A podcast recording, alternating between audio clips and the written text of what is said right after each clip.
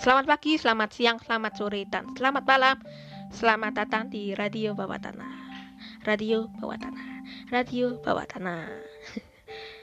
Iseng nih, saya ulangi tiga kali.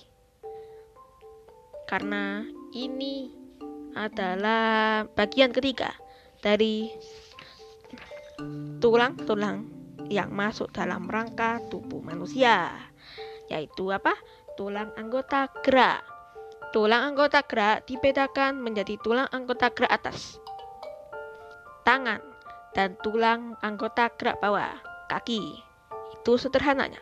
Kita akan bahas secara serinci meskipun sesingkat mungkin. Mulai dari tangan, anggota gerak atas, tulang lengan atas, humerus, paling atas. Kemudian di bawahnya lagi ada tulang hasta, ulna, di sampingnya tulang pengumbil radius. Oke, ngomong-ngomong soal pergelangan tangan, ada tulang pergelangan tangan dan tulang-tulang jari. Ya, kemudian kita langsung geser ke tulang anggota gerak bawah. Tulang anggota gerak bawah, apa saja? Kaki ya pasti. Namun kita bahas lagi tulang paha yang paling atas, femur.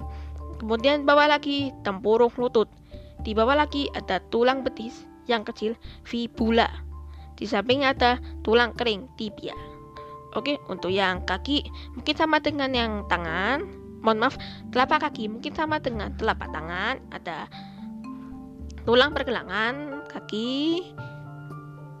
Kemudian tulang telapak eh mohon maaf ya, tulang telapak kaki dengan tulang jari-jari tangan dan kalau tidak salah ada satu tulang lagi.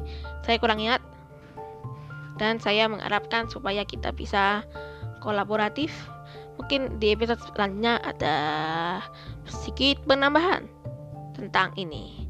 Oke terima kasih. Kita selanjutnya bahas sen